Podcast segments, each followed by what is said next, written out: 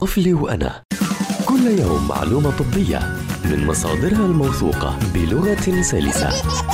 طفلي وأنا عبر أجيال مع أخصائية الأطفال وحديثي الولادة سما برغوثي. أهلا وسهلا بمستمعي ومستمعات أجيال عبر منصاتها المختلفة. تهيئة الأخوة للبيبي الجديد. من التحديات اللي بتواجه الأهل لما تعرف الأم إنها حامل تهيئة الأخ أو الأخت لقدوم الطفل.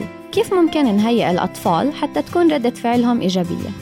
أولاً مهم نحكي أمامهم بحماس كبير عن قدوم الطفل حتى لو ما فهموا الموضوع بس الشعور الإيجابي بيوصلهم وبيضل معهم. ثانياً ممكن نستخدم قصص مصورة بتحكي عن قدوم الطفل حتى يفهموا الموضوع أكثر ويستوعبوه أكثر. ثالثاً بعد قدوم الطفل حلو نسمح للطفل الأول إنه يقضي وقت مميز وخاص فيه مع شخص بفضله من العيلة مثل الأب، الجدة أو هو شخصه المفضل حتى ما يحس إنه أهملناه عند قدوم الطفل.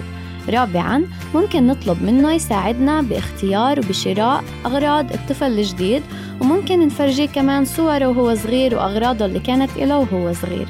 من النقاط المهمة عند قدوم طفل جديد ما نبدأ بمرحلة انتقالية وصعبة للطفل الأول بعد الولادة. يعني مثلا ما نخليه التدريب على الحمام أو النقل لمدرسة جديدة عند الولادة. إما بنخلص منه قبل أو من أجله لحد ما تستقر الأمور ويستوعب وجود الطفل الجديد. استنوني بحلقة جديدة من طفلي وأنا حتى نحكي عن مواضيع بتتعلق بصحة الطفل.